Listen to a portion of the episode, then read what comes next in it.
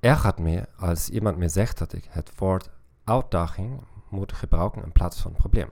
Het is echter niet het beste idee om iemand die van streek is te vertellen wat is uw probleem. Waarom? Hierdoor ontstaat er een scheiding tussen jou en mij. En maar weinig mensen willen toegeven dat ze problemen hebben. Vooral in sommige culturen. Je kunt beter zeggen, wat is er gebeurd? Kan ik helpen? Als iemand u vraagt, wat is uw probleem? Kunt u antwoorden, het is geen probleem. Het is gewoon iets dat ik moet bespreken. Kunnen we praten?